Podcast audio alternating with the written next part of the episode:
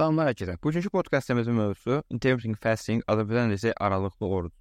Ümumi olaraq bu pəhriz dövrü ola bilsin ki, eşitmisiniz, çünki bu son illərdə müəyyən qədər getsə məşhurlaşdı, populyarlaşdı. Azərbaycan dilində tərcümə edəndə ümumi olaraq başqa dilləri tərcümə edən çox biraz qəribə səslənir. Ümumi olaraq Azərbaycan dilində aralıqlı oruc kimi tərcümə edə bilərsiniz. Yox, içində fasting yəni aclıq periodu var. Yəni ümumi olaraq aclıq periodları olan bir pəhriz dövrü deyə bilərik buna. Sözə belə başlamaq olarsa, deyə onu dəqiqliklə deyə bilərəm ki, ümumi olaraq bədənimiz ac olduğu müddətdə daha yaxşı produktiv olur. Mənim fikrimdir bu sözsüz ki. Məslə tam olaraq mənim fikrim deyil, həmçinin elmi araşdırmalar və bir çox araşdırmalar da bunu təsdiqləyir, necə deyirlər. Əgər ümumi azlıq sizə narahatlıq vermirsə, yəni ümumi həqiqətən acdan ölürəm səviyyəsində deyilsinizsə, ümumi olaraq ac qalmaq bədənimizə daha yaxşı təsir göstərir. Çünki insulin səviyyəsi daha aşağı olur, bədənimizin hormonları daha stabil olur. Çünki biz bədənimizdə qida qəbul etdiyi insulin artır və bir çox digər hormonlar da artır, hansı ki bizi yuxuya itələyir və buna görə də yuxumuz gəlir çox zaman yemək yedikdən sonra. Bunun başqa bir səbəbi də var, söz ki, yemək yedikcə mədəmizə, qarnımıza qida qəbul olunur və həmin o qidanın həzm olunması üçün bədən orada daha çox qan e, pompalayır və bunun hesabına da beynimizə gedən qanın miqdarı müəyyən qədər azalır və bunun hesabına da biz daha yuxulu, daha beyni dumanlı olmağa başlayırıq və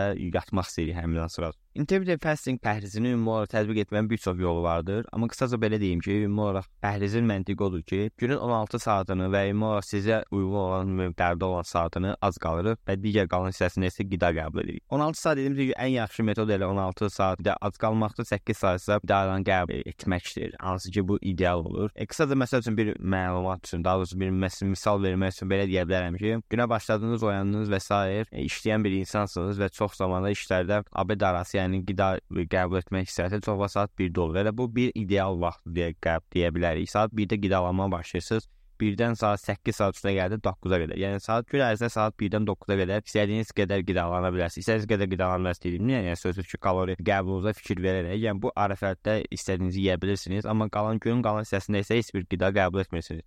Günün qalan hissəsində sadəcə su, çay, kofe, sözsüz ki, hər biri necə deyirlər, tərkibində heç bir şey olmadan, yəni tam çay, yəni heç bir şəkərli bir şey əlavə etmədən və yanında heç bir şey yemədən qəbul edə bilərsiniz. Çox kişi olan suallardan biri çox vaxt olur ki, saqqız çiynəmə və s. saqqız çiynəməmək də daha məntiqə uyğundur. Yəni bu aclıq periodunda, çünki saqqız çiynənə müəyyən qədər saqqızında təkcə şəkər var. Lap şəkərsiz saqqız çiynəsəniz belə ağzımız bir şey çeynəyir deyə bir növ müəyyən qədər beynimiz artıq elə başa düşür ki, qida gələcək və qida gəlir və müəyyən qədər bu da artıq prosesini prosesini biraz tətikləyir. Ona görə də azlıq periodunda sözün əsməsi heç bir şey qəbul etməmək sadəcə su, çay, kofe qəbul etmək idealdır. Sözsüz kofe qəbul etməyin yaxşısı səhərlər həm oyanmamıza müəyyən qədər kömək edəcək, həm də ki, aclığı da çox yaxşı bastırır. Başqa növləri də var bu əhriz növünün. Məsəl üçün bəzən olur insanlar bir gün heç bir şey yemək, qalan növbəti gün. Yəni həftənin günləri bölürsüz, bir gün qidalanırsınız, tərsi gün yemək yemirsiniz, sonra yenidən digər gün qidalanırsınız. Və ümumi olaraq daha da fərqli bir şey var ki, 2 gün məsəl üçün ümumi olaraq çox çox aşağı qidanı qəbul edirlər və ümumiyyətlə işlə yemirlər. Qalan həftənin 5 günü isə qidalanırlar. Məncə bu ikisi biraz ekstremdir. Əgər yəni çox belə bir vacib bir işiniz yoxsa, arıqlama yəni sürətli olaraq ehtiyacınız yoxsa, məncə bu da tətbiq etməyə ehtiyac yoxdur. Ən yaxşısı elə 16-8-ə,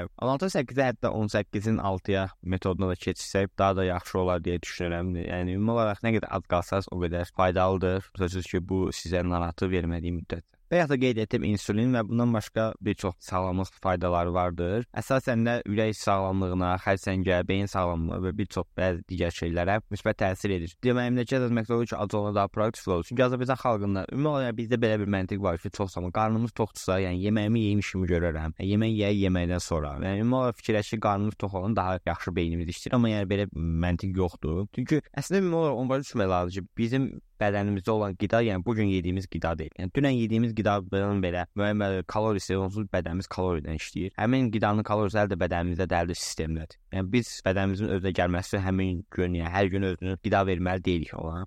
Onsuz ki, yağ depoları və s. var, hansı ki, bədən ehtiyac olduqda əlavə edincə oradan da götürə bilir. Ümumi olaraq pəhrizdən, yəni arıqlamaqdan başqa da bu pəhriz növünün faydası ola bilər ki, müəyyən qədər həyatımızı daha sadələşdirir. Yəni ümumi olaraq kül ərzində bilirsiniz ki, mən hansı vaxtlarda nə yeməliyəm və nə zaman yeyəcəm və hansı digər az olduğunuz periodlarda da heç nə yemirsiniz. Ya artıq günü yeməklə, yeməyə çox vaxt yemək bişirməyə, qabayma və s. bir şeylər sonra vaxt ayırmaya ehtiyac qalmır. Gün ərzində hətta əvvəlki gündən də yeməyinizi hazır saxlaya bilərsiniz ki, yəni onsuz sabah bu vaxtı bunu yeyəcəm, bu vaxtı bunu yeyəcəm, qalan günün qalan səslərinə heç nə yeməyəcəm. Yəni bir növ artıq gecə saat 11-12-də qab yemaya ehtiyac qalmır. Sizə belə bir sual yarana bilər ki, bəs səhər yeməyi yeməmək bizə zərər vermirmi? Yəni bunun cavabını əslində bununla bağlı bir podkastda paylaşmışdım. Yəni həmin podkastda baxaraq daha da ətraflı məlumat ala bilərsiniz. Amma qısaca olaraq onu deyə bilərəm ki, xeyr, yəni səhər yeməyini buraxmaq bizə heç bir neqativ təsiri göstərməyəcəkdir. Bundan başqa ümumi dərmanlarınızı və sair həmin adlıq periodlarını qəbul edə bilərsiniz. Sözsüzlük dərmanı təşkilinə dərmanın özünə baxın çünki bir çox vitaminlər də əsasən yəni qida ilə qəbul edilməlidir. Ona görə yəni ümumi olaraq fasting hissəsində, yəni azlıq periodunda qəbul etməmək daha məntiqli ola bilər. E, bayaq qeyd etdim su, çay, kofe bundan əlavə olaraq tərkibində şəkər olmayan, yəni sıfır kalorili qidaları da, daha doğrusu içkiləri də qəbul edə bilərsiniz, amma dəqiq olaraq sıfır olmağına da fikir verin mütləq və mütləq. Bundan başqa idman edən insanlar düşünə bilər ki, bu azlıq periodu mənim əzələ itkimə səbəb ola bilərmi və s. Əslində ümumi olaraq xeyr. Yəni bir çox idmançılar da, yəni mən özümdə daxil olmaqla, yəni bir çox insanlar da yəni bu tipli pəhriz növünə istifadə edərək ümumi olaraq idman da edir. Sözsüz ki, idmanı müəyyən qədər bu azlıqdan sonraya saxlamaq daha yaxşı olur. Yəni qida qəbul etdikdən sonra idman etmək daha yaxşı olur, amma əgər səhər tezdən idman edirsinizsə, yenə də azlıq periodunda bu idman edə bilərsiniz, əsasən yürüyüş və qaçış olaraq. Ümumi olaraq yekunlaşdırsaq, intermittent fasting aralıqlı oruc pəhriz növü getdikcə məşhurlaşır, məşhurlaşmağa davam edir böyük ehtimalla. Arıqlamağa, ümumi olaraq həyatımızı daha da yaxşılaşdırmağa və həyat keyfiyyətimizi artırmağa bir çox yaxşı müsbət təsirləri olduğu bir çox araşdırmalar tərəfindən təsdiqlənmiş etmişdir. Ümumi olaraq öz həyatınızda tətbiq edərək bir neçə həftə tətbiq, ümumi olaraq bir ay tətbiq edin və ümumi olaraq sizin bədəninizə təsirlərini həm bədəninizə, həm də həyat tərzinizə, istər çəkinici olaraq, ümumi gün ərzində özünüzü hiss etməyinizə və sair təsirlərini yoxlayıb ondan sonra qərar verməyiniz yaxşı ola bilər. Ümumi olaraq tək əsas neqativ təsiri ola bilər ki, günün müəyyən periodlarında özünüzü həddən artıq ac hiss edə bilərsiniz. Amma bu periodlarda çay və çay su, səhərlər isə kofe içərək boğazı yatırmanız mümkün olacaqdır. Bu epizoddan bu qədər. Məni sosial media platformalarında izləməyi unutmayın. Özünüzə yaxşı baxın. Saran Halali.